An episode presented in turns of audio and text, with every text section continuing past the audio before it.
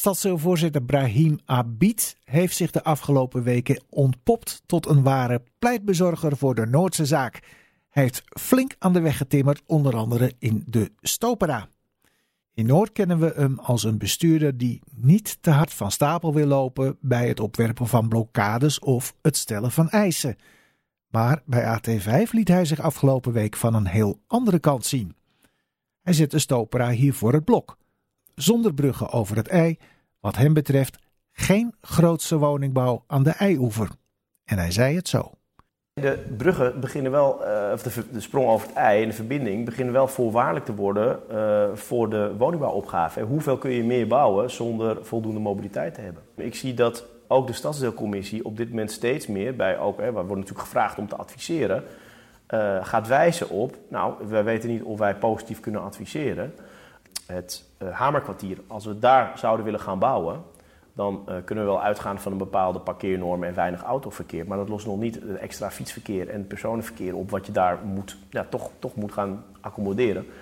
Uh, en daar zal dus iets gedaan moeten worden met die verbinding over het ei. Tja, Brahim Abid was dat, die voorzichtig zijn tanden laat zien.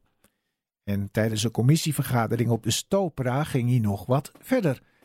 Hij verloor namelijk zijn geduld met een VVD-raadslid die vond dat er tot achter de komma moest zijn vastgelegd wanneer de doelen voor het plan Aanpak Noord gehaald zullen zijn, voordat er überhaupt geld kan komen voor het plan. En dit was hierop zijn reactie. Ik gun de heer Von Gerhard dat hij nog in zijn leven gaat meemaken dat die doelen behaald worden. Ik denk dat ik het namelijk niet meer ga doen. Zo groot is de achterstand. Mijn drijfveer is dat ik een kind heb in de Waterlandpleinbuurt... waarvan ik gewoon weet dat die HAVO-VWO kan... maar gewoon VMBO krijgt. Waarom? Omdat zijn ouders het gewoon niet aan kunnen anders. Mijn drijfveer is dat de Hegrangweg, waarmee ik de wet, met de wethouder ben gaan fietsen... dat hij gewoon na 50, 60 jaar, ik weet het niet... mijn stadsdeeldirecteur die kan aan de grofheid van de tegel zien hoe oud die is. Nou, die tegels die zie ik hier in de delen van de stad niet. Maar als u echt naar Noord komt en u bent van harte, ik nodig u echt van harte uit... dan, dan gaat, u, gaat u zien wat daar nodig is. Tja, gepassioneerde Brahim Abid was dat...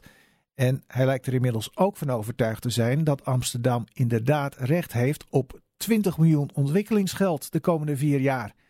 Een paar weken geleden was er daar bij ons nogal terughoudend over. Hoe de verdeling exact wordt, uh, uh, weet ik nog niet. Ja, maar bij AT5 ging hij inmiddels een heel stuk verder en was zelfs de 20 miljoen nog niet genoeg. Het is nooit voldoende, maar het is in ieder geval een start. En het is 20 miljoen voor deze collegeperiode. Het is de bedoeling dat het een aanpak Noord langjarig is. We denken aan 25 jaar. Tja, en zo lijkt het erop dat Brahim Abid zich van een voorzichtig diplomaat begint te ontwikkelen tot een bevlogen lobbyist. En of dit vruchten af gaat werpen, dat zal de toekomst leren.